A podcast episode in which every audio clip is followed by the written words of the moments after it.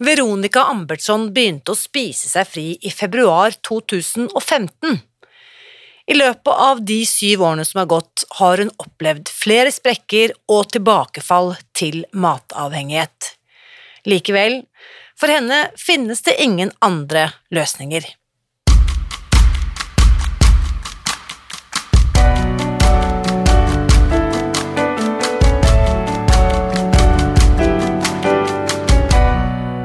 Mitt navn er Irina Lie. Jeg er journalist og forlegger, gründer og sosial entreprenør. I 2015 spiste jeg meg fri fra overvekt og fedme etter å ha slitt med vekt, kropp og følelser i nesten 30 år. Etter at jeg knakk koden, ga jeg meg selv et nytt oppdrag – å dele denne kunnskapen med alle som trenger det. I denne podkasten kan du derfor høre hele lydboken Spis deg fri.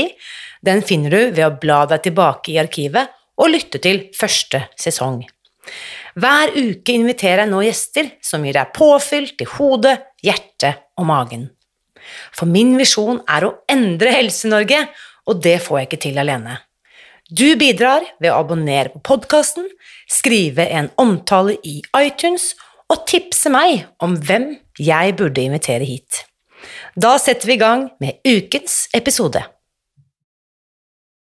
Hvordan går det med folk som har fulgt denne metoden over flere år? Det spørsmålet får jeg veldig ofte, og gjennom denne sommeren skal du få møte flere som har spist seg fri over flere år. En av dem er min gode venninne Veronica Ambertsson. Jeg håper at historien hun skal fortelle i dag, kan gi deg troen på at Spis deg fri kan være en bærekraftig og langvarig løsning, også for deg, selv på de dagene hvor klare grenser og, re og rene linjer virker langt unna. Her er ukens gjest. Velkommen tilbake til podkasten, Veronica. Takk så mye. Dette er en samtale jeg har sett veldig frem til, og hvis nå noen tenker at de har hørt stemmen din eller navnet ditt før, så har du faktisk vært med i podkasten for lenge, lenge siden januar 2020, i episode Ja. 28. Det begynner å bli Jeg en er veldig glad å være tilbake. Ja, Ehm, og før vi ehm, begynner, det er en veldig hyggelig anledning til at vi skal snakke sammen igjen, så for de som ikke kjenner deg, Veronica, kan ikke du bare kort presentere deg, fortelle litt om bakgrunnen din og hvor du er? ja, Veronica Ambertsson heter jag. Eh, har passerat 50-strecket nyligen och eh, befinner mig i Sverige, i Skövde. Ehm, och eh, jag har ju varit inom Brightline Eating sedan nästan starten, februari 2015. Eh, vilket ju eh, gör att jag har passerat sjuårsstrecket på det nu. Fantastisk. Eh, Så det känns ganska stort. Det är en stor del av livet. Um, Så att eh, det har ju varit anledningen till att eh, jag har varit med i podden innan och eh, även eh, att vi ens känner varandra. Ikke sant?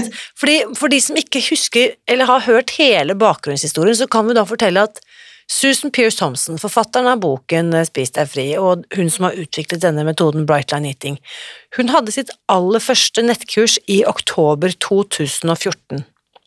Mm, det stämmer. Og du kommer da med i februar 2015, Precis. og så oppdaget jeg dette på høsten og joinet da gjengen i oktober 2015. Og da ble jeg jo kjempebegeistret når jeg så at det var liksom en fellow Scandinavian i hennes community, og bare sendte en melding til deg eh, direkte og sier Hei, Veronica!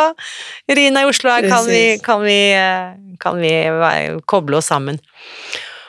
Eh, Og gjennom disse syv årene så har jo vi nå holdt kontakt. Ja. Og så ikke bare det, fordi da jeg da bestemte meg for å gi ut eh, hennes eh, Susan Pearce Thompsons første bok, Bright Line Eating, og oversette denne til norsk, og gi ut den i 2017 under tittelen Spis deg fri, så tenkte jeg jo at det hadde vært kjempespennende å ha med noen eh, historier fra virkeligheten. Og da inviterte jeg deg, Veronica, til å dele din historie. Precis. Og det er jo mye Honeymoon-historia. Hva sa du at det min honeymoon-historia med Brightline Eating. Ikke sant? Fordi at eh, anledningen nå til at vi kommer sammen igjen på denne måten i podden, er jo Nå er det bare noen uker unna før eh, vi lanserer Susans tredje bok, som på norsk har fått tittelen Restart, som på amerikansk heter Resume. Og det er jo da eh, oppfølgerboken for de som strever med å spise seg fri fra matavhengighet. Fordi vi, vi, vi tar for oss denne såkalte tilbakefallsproblematikken. Mhm. Og den er jo noe du kjenner til, Veronica. Allt för väl. Är ju, har verkligen inte haft en linjär resa utan det har ju gått upp och ner eh, ja, över de här sju åren med längre och kortare perioder givetvis Mm. vid olika tillfällen. Men ja, det är en process som jag verkligen känner intimt. Og da er det så viktig at Susan skriver denne tredje boken. eh, Slik at vi alle sammen får en påmeldelse om at dette er en reise, og som du sier, på ingen måte lineær. Så ehm, i denne norske utgaven, da eh, Jeg syns det er spesielt gøy at du, som en av de få som faktisk var med å skrive historien din til første boken nå, i 2017, nå er det mulig å lese da, ikke sant? Sånn som du sa, historie nummer én var kanskje honeymoon face, og nå er det kanskje litt mer hverdagen og realitetene, hvordan du har erfart dette gjennom fem år. Unnskyld, syv år. Hvis du skulle ha hvis du skulle ha sagt noe eh, om reisen din, Veronica, hva er det du vil legge vekt på? Ja, på ett sätt så det skulle vara så lätt att tänka tillbaka och vad skulle jag ha sagt till mig då? Vad skulle jag liksom eh, kunna ha lärt mig tidigare kanske? Samtidigt så känner jag att jag, jag vet inte om, om det går. Det är lite det här att resan har sin gång Mm. och det viktiga är att stanna på resan, att hela tiden anser sig vara på väg och intar en sån här eh, lärande inställning. Så att vad som än händer, att man inte kastar bort det som man har gått igenom utan verkligen tar tillvara på det och säger okej, hur kan jag utvecklas i det här? För det är någonting som, som jag inser att även om jag har varit väldigt övertygad om saker och ting och jag har lärt mig och jag har uttryckt det, jag har pratat med andra om det, så eh, är det vissa saker ändå som jag inser i efterhand att ja, det där var till viss del intellektuell insikt. Mm. Men det är en helt annan sak när det verkligen landar i kroppen och i, i mitt eh, eh, alltså belief system, alltså att jag verkligen tror på det på djupet och, och verkligen förstår på ett, eh, ja, på ett djupare plan. Mm.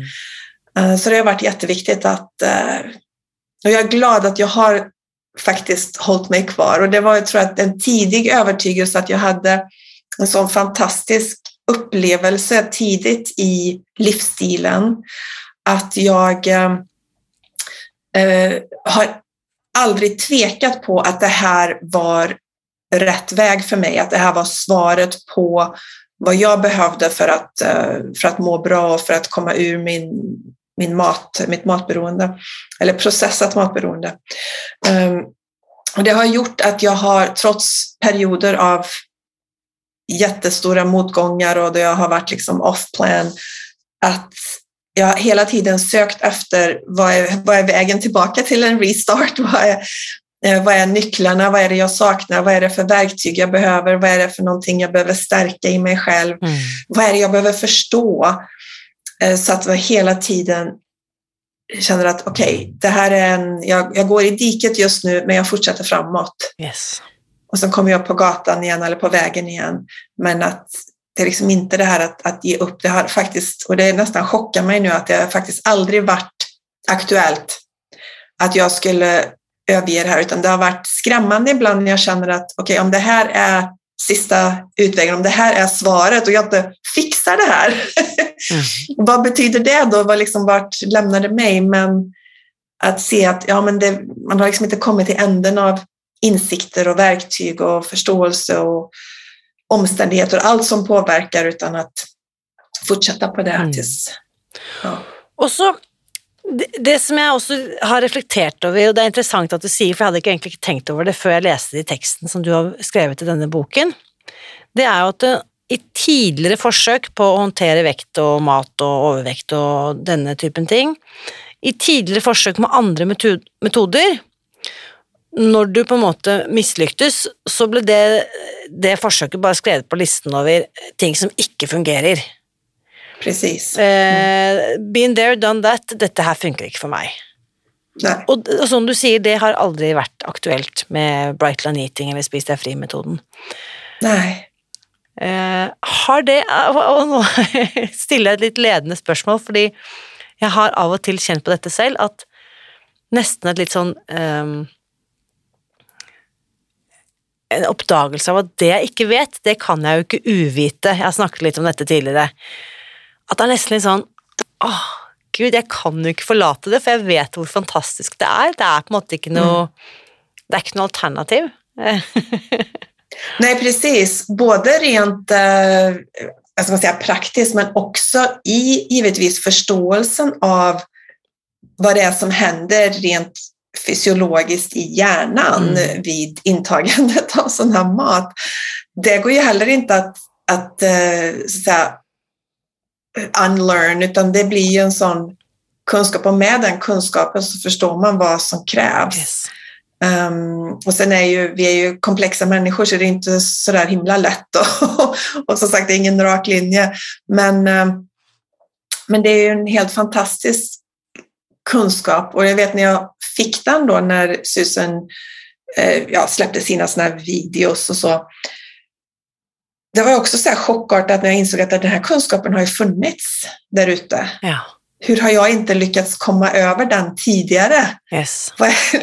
Men alltså, det, det är ingen idé att, att liksom ångra sig över det eller ifrågasätta det på det viset. Men det var också det här, wow, det här har faktiskt funnits. Jag hade kunnat möjligtvis eh, ta till mig det tidigare. Men nu gjorde jag inte det. Men nu finns det, nu har jag den. Mm. Och då, då blir ju också liksom lösningen ganska så tydlig. Ja.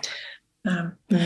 Og så lurer jeg på, og det er det sikkert mange andre som lurer på også, kunne du bare dratt oss gjennom resultatene dine, hvilke effekter du hadde av the honeymoon phase, runde én, hva skjedde med kroppen din, vekten din? Eh, Mm. Resultatene du opplevde da du startet med dette. Ja, jag hade ju några månader av att ha perfect bright lines, alltså följa programmet till punkt och pricka dag ut och dag in i några månader. Och då gick jag givetvis ner i vikt, men jag hade, jag tror att jag hade gått ner kanske 15 kilo, jag har gått ner ungefär 35 totalt. Um, och eh, efter ungefär 15 kilo, då hade jag verkligen den här upplevelsen av friheten Mm.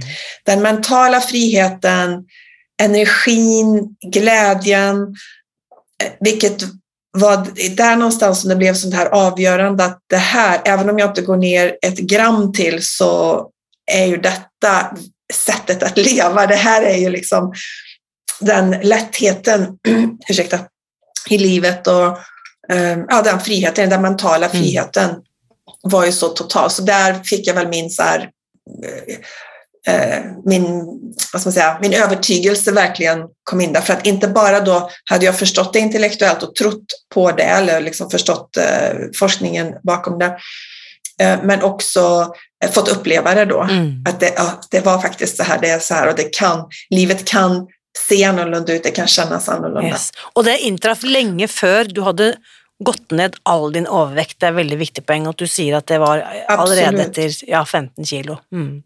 Ja, så jag hade ju typ 20 kilo kvar tills jag var, vad jag hade då satt som min, min målvikt. Mm. Ehm, och sen eh, första sommaren redan där så, så var det inte så perfekt längre när semestrar kommer och sådär. Jag fick kämpa med att komma tillbaka i programmet men jag skaffade mig en mastermind-grupp. Mm. Så från hösten eh, 2015 då som vi faktiskt fortfarande ses. Eh, Så det är ju eh, jättehärligt att ha den, eh, den historien med en grupp människor. Ehm, Och sen så ska jag säga att det, det var jag kan inte säga nu exakt så hur ofta och sådär, men det var liksom, jag, jag kämpade vidare, eller jag arbetade med programmet vidare. Mm. Av ibland, på ibland. hade definitivt återfall i både socker och mjölmat och så. Men överlag liksom tog mig framåt. Men det tog ändå ett par år tills jag nådde, eller ett och ett halvt kanske, tills jag nådde min då målvikt. Ja. Um, och uh, ja, men fortsatte faktiskt att också ha lite så här off and on, att det var perioder av, uh, av att jag var, följde programmet som det har skrivit, mm. så att mm. säga. Och sen andra perioder där jag, där jag kämpade lite mer och gjorde undantag och så. Och det tog mig alltså ett och ett halvt år från att jag startade tills jag gav upp alkoholen. Ja. Eh, det var inte så att jag drack jättemycket eller sådär, men jag hade det där, åh, det där lilla vinglaset. Mm. Eh. Men det var också ytterligare ett steg i att, för jag insåg att eh, det här är ju inte bara att eh, alkoholen i sig är problematisk i att jag har svårt att ta det bara ett glas om det nu finns mer i flaskan, typ, utan det var ju också att eh, det påverkade ju min hunger och min förmåga att faktiskt hålla mig till matplanen. Yes. Så att eh, jag kom till den insikten, det här behöver jag eh, släppa. Mm. Um, så att, um, och sen har jag haft liksom, några perioder av lite djupare återfall där jag har gått upp i vikt och inte, absolut inte hela vägen. Och det som har, tror jag, räddat mig så mycket, det är också att jag inte har brutit sockerlinjen. Ja. Um, utan den har ju varit, alltså inte från februari 2015 då, men, men i flera år nu liksom har jag inte mm. brutit. Så hur, hur off har varit så, att säga, så har, uh, har jag inte brutit den, vilket jag tror har verkligen gjort skillnad i att jag eh, inte helt har liksom hamnat i återfall, och inte helt gått upp i vikt totalt och tillbaka till det jag var, utan det har liksom ändå funnits en begränsning i det. Men det var ju i det, denna processen också som jag insåg hur, hur viktigt det har varit med just processen, att det inte bara är en, en en eh, food issue, en matgrej, liksom, utan det är också en processdel i det, det här med att få äta, få känna en stark mättnadskänsla och så som jag har haft ett liksom 30-årigt mönster av att mm. eh, ät, ätit väldigt mycket. Och det visar sig att man kan ju äta, liksom, man kan ju hålla de första två linjerna eh, men utan de andra två som ju är måltider och uh, kvantiteter mm. så kan man ändå göra sig mycket skada. Mm. Ehm, och förlora friheten även på det. Och det är väldigt individuellt, kanske olika där, men så, så var det verkligen för mig. Att jag behövde alla fyra linjerna. Yes. Og um, jeg liker også tanken på at når jeg tråkker feil eller havner ute i grøften eller sporer av, så skal jeg ikke på en måte tilbake nødvendigvis. Da er det rett og slett bare å fortsette videre, at jeg kan gå liksom mm. fremot. Uh, og det gir meg på en måte en, en uh, Hva skal jeg si En trygghet om at det er, det er, på måte ikke mulig å gjøre det feil så lenge jeg ikke gir meg. Precis. På en måte, jeg, jeg, kommer meg gjennom disse ulike utfordringene, eller hindringene, mm. på min vei. Uh, og da må jeg jo si, Veronica, å ha da følge med sånne som deg, som, som jeg også vet ikke gir seg, det har jo vært eh, superverdifullt, og det er jo mange ganger vi, har, vi snakker mye sammen. Og det er jo veldig interessant. Av og til er det du som er ute, og, ute på galeien, som vi sier på norsk, og andre ganger er det jeg som holder på sant, med mine greier. Ja.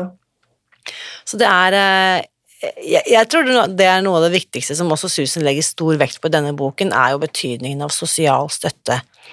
Mm. Du nevnte masterminden din. Um, kunne du si litt mer om hvorfor denne sosiale støtten har vært så viktig for deg?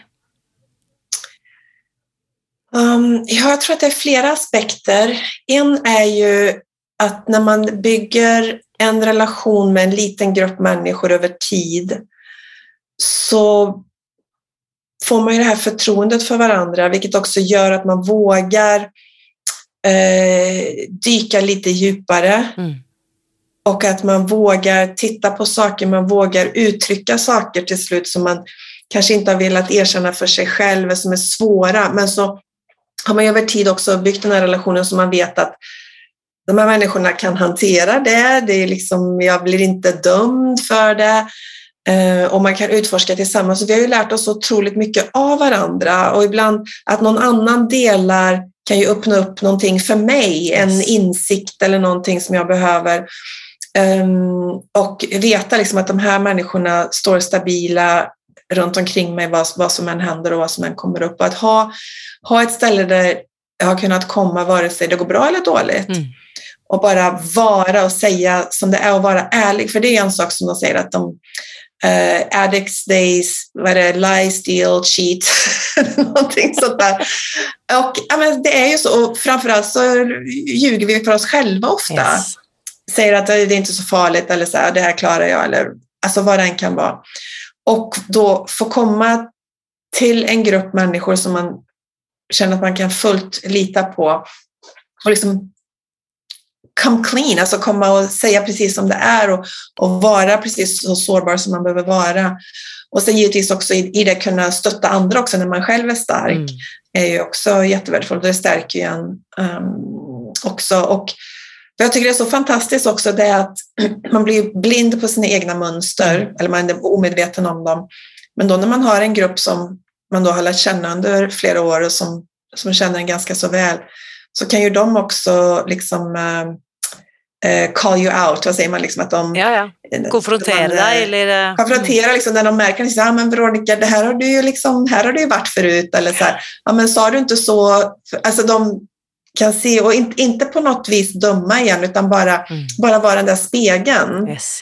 Som gör att man får se sig själv och alltså just det, eller hjälpa till att liksom förvarna. Kommer du ihåg förra året vid den här tiden så hände det här och bara, ja just det, liksom att det är så mycket mm. värde i också. Och det, det, tar ju ett tag innan man bygger de där relationerna givetvis, men jag tror att givetvis så får man värde från det från början också, men just att ha en grupp som man kan eh, ja, ha vid sin sida och lita på i långa loppet är jättevärdefullt. Jag tror också det du nämner här med den här gruppens hukommelse, den är ju ofta mycket mer sylskarp um, och mycket bättre än min egen hukommelse. För sedan, sedan två veckor tillbaka så har jag in i mitt huvud kommit på en eller annan god begrundelse till varför jag inte ska göra det på denna måten längre. Mm. Uh, mens masterminden min ville da kunne minne meg på at ja, sånn som du sier, da, sa ikke du, Irina, at det var viktig for deg å Men, jag får ibland den här sanity check, liksom att man, om man får för sig någonting, att man har ett eh, eh man i alla fall lovar sig själv att jag ska ta det till min mastermind innan jag gör någon förändring. Yes. För de, de kan också bekräfta att ja, men det låter helt mm. sunt och det låter som du är i dina sinnesfulla bruk. Liksom. Mm. Eller då flagga typ att så här, ja, men det här har du prövat innan eller ja, det här finns ju risker i det här yes. och så får man en, eh, en feedback helt mm, enkelt som är. Och då, eh, du nämner da, sant, att det tar ett och ett halvt år innan du då går ned all din övervikt och finner din målvikt. Vad har skett med vikten då i löpet av de sista fyra, fem åren eh, som har gått sedan du når målvikten din? Eh, ja, den har ju gått eh, upp. Jag har verkligen eh, erfarit weight creep, som det är det här att det liksom långsamt kryper lite uppåt. Mm. Um, så att, men igen så har det ju ändå varit begränsat av att jag inte har liksom helt gått tillbaka in i, socker och mjöl och, och så, så det har varit jätteviktigt. Um, men men också tror jag att det har inneburit ett, alltså en utveckling i min egen tanke kring att även om man visste, eller jag visste från början att det här är en livsstil, det här är det som gäller, så efter 30 år i liksom diet mentality så är det svårt att släppa det. Mm. Och det finns liksom ändå där, och det är det jag menar också lite grann det här när det, det är en sak att veta det intellektuellt, ja det här är en livsstilsförändring, det är inte bara en en diet, men att verkligen landa i det och släppa vikten, vikten av vikten, mm. alltså hur, hur, eh, vilken eh, ja, betydelse man lägger i den har också varit jätteviktigt i det, även om givetvis är en, en aspekt där man vill må bra, där man känner sig bekväm. Mm. Um, uh, så det är någonting som uh, ändå ja, har, har utvecklats liksom och jag känner nästan mognat i ja. att det handlar verkligen om välmåendet Um, även om vikten inte är oviktig. Mm.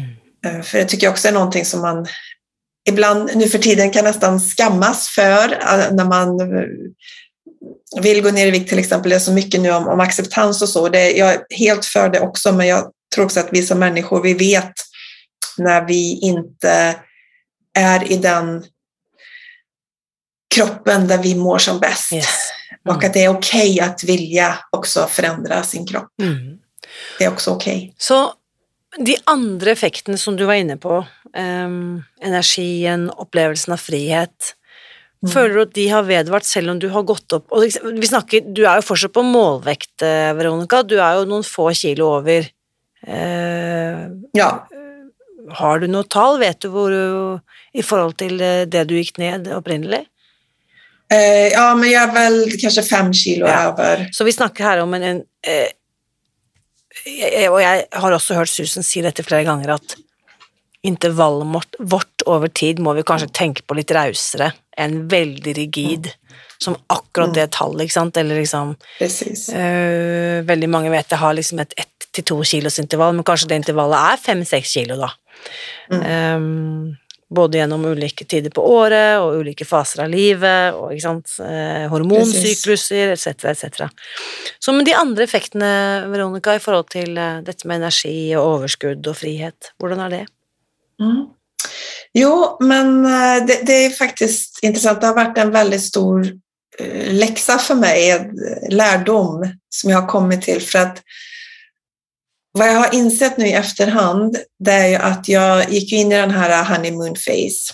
Och alltså det var ju revolutionerande i bright line eating. Alltså den friheten och lättheten och energin. Alltså jag, ju, jag kände inte igen mig själv. Det kändes verkligen så som att oj, är det verkligen så här jag är? För jag hade en idé om mig själv, en identitet som en ganska depressiv person. Ja, intressant. För att jag har varit deprimerad så mycket och nu, nu ser jag att det har, hade jättemycket med kosten att göra. Mm. Um, och uh, så hamnade jag liksom i den här fantastiska då, energin och glädjen och lättheten och friheten. Och uh, så hände det så mycket positivt i mitt liv. Jag jag ehm, startade en affärsverksamhet och jag eh, träffade min eh, blivande man. Och, eh, så det var så mycket där under faktiskt en ganska lång tidsperiod, kanske fyra år, som saker och ting verkligen var på topp. Yes. Och sen så kan jag inte säga exakt vad det var som hände. Det känns inte som det var någon utlösande faktor eller så, men, men jag kände att jag började bli deprimerad ja. igen. Och det som var läskigt för mig, det var ju liksom så här, oj, jaha, är det här verkligen sanningen om mig? Är det verkligen så att jag är deprimerad? Det här var bara ett undantag under några år. Nu kommer mitt sanna jag tillbaka. Mm. Den här liksom nedstämda personen som tycker ofta att, det som är, ja, att livet kan vara tungt och sådär. Det höll i sig ganska så, så länge och jag sökte hjälp för det. Och min insikt kom faktiskt genom coachning, som jag är ju själv coach, det är lite intressant. Att, eh, där jag kom till insikten kring att jag hade kalibrerat mitt liv på en så otroligt hög nivå.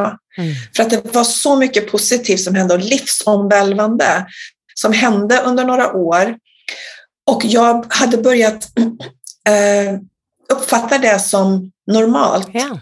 Det var ungefär som att om man, har, man är liksom på, på 120 procent mm. Och sen så kom jag ner kanske då på, på 80, alltså att livet hamnar i någon så normal cykel. Men för att jag hade varit så på sån höjd så länge så såg jag nu det här eh, vardagliga, att livet liksom trallar på. Så upplevde jag det som, som något som var fel, att det var ja att, det var, ja, att jag upplevde mig som, som att jag blev deprimerad igen. Och det fantastiska är att bara insikten kring det där eh, gjorde att jag igen kunde då omkalibrera och inse att ah, det här, nu landar jag i en, en vardag, jag landar i att både med Bright Line Eating och med min mm. relation, att det, och det är inte dåligt utan det är bara en annan fas. Yes och en annan mera normal fas som det absolut inte är något fel på eller så. Och det, igen fick jag den insikten som faktiskt då lättade vad jag kände som att ja, nu höll jag på att gå in i en depression. Jag, jag kände mig faktiskt deprimerad eh, under, under flera månader. Um, så det var en viktig uh, insikt. Uh, och jag förstår nu liksom att det var ju så många saker som, som sköt mig i höjden liksom, ja. under så lång. Så att det blev en sån kontrast sen. För det är, ganska, det är egentligen onormalt att vara på en sån höjd under så lång tid utan att liksom känna på någon egentligen motgång. Så du var på en måte på en kunstig höj? Ja. ja. Og det, jeg, jeg liker veldig godt det bildet du sammenligner med Vi har jo snakket om det tidligere. Bryllups eh, honeymoon face, eller å være nyforelsket. Den energien mm. som løfter oss frem da, når vi er i den fasen. Og det er jo mm. heller ikke bærekraftig. Det er jo ikke det. Nei. Um, Nei, så jeg bare lurer på nå, tror du noen som er nyfrelst, da, for å kalle det det, eller nyforelsket, er i denne honeymoon face, eh, kan det være nå at noen blir redde? At noen blir sånn Oi, er Är detta bara förbigående? Ja, men absolut. Absolut. Jag tror det beror ju kanske mycket på vad man har för historia givetvis. Um, men jag tänker tillbaka på min egen resa. Det var ju, jag vet att det var precis när jag gick från det som man räknar som övervikt och in till den normalviktiga spannet.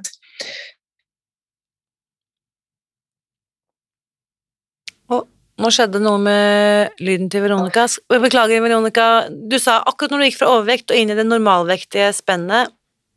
Ja, då ändrades min fysik också. Det var som att kroppen verkligen gick igenom det här, liksom att jag kände mig mera ja, normalviktig om man säger mm. och det, det syntes på ett annat sätt att jag gick in i det.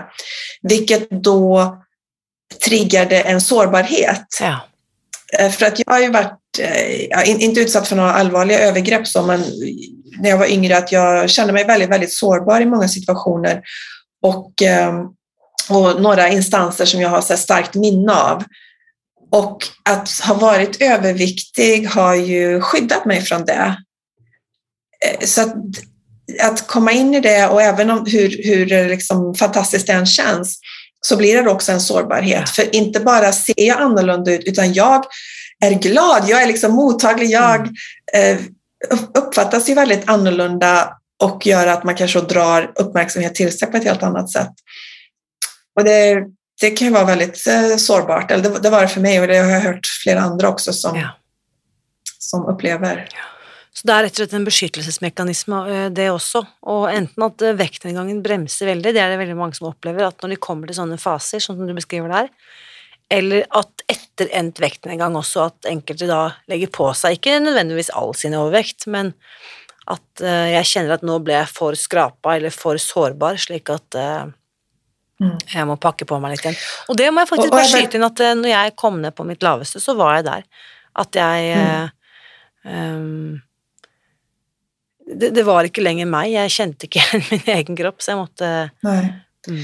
Nej, men också även uppmärksamheten, kanske inte bara från främlingar så, men även de i närheten, att det blir så mycket... Man får ofta ta emot väldigt mycket kommentarer. Mm. Och eh, folk ser ju det som positivt givetvis. Här, Åh, vad fin du är, Åh, du har gått ner i vikt mm. och wow, du ser fantastisk ut. Och det kan man ju se som positivt, men det kan ju också bli jobbigt. Yes. Att hela tiden bli, uh, inse att man är beskådad och eh, dömd. Även om det är menat positivt så är det ju ändå uppmärksamhet. Ja, för det, det ligger också då att då är min anerkännelse eh, knyttet till kroppen min. Och i det mm. baksidan av det är också att oh ja, så jag var inte eh, attraktiv eller var inte beundringsvärdig då jag var 10 eller 15 eller 20 kilo tyngre.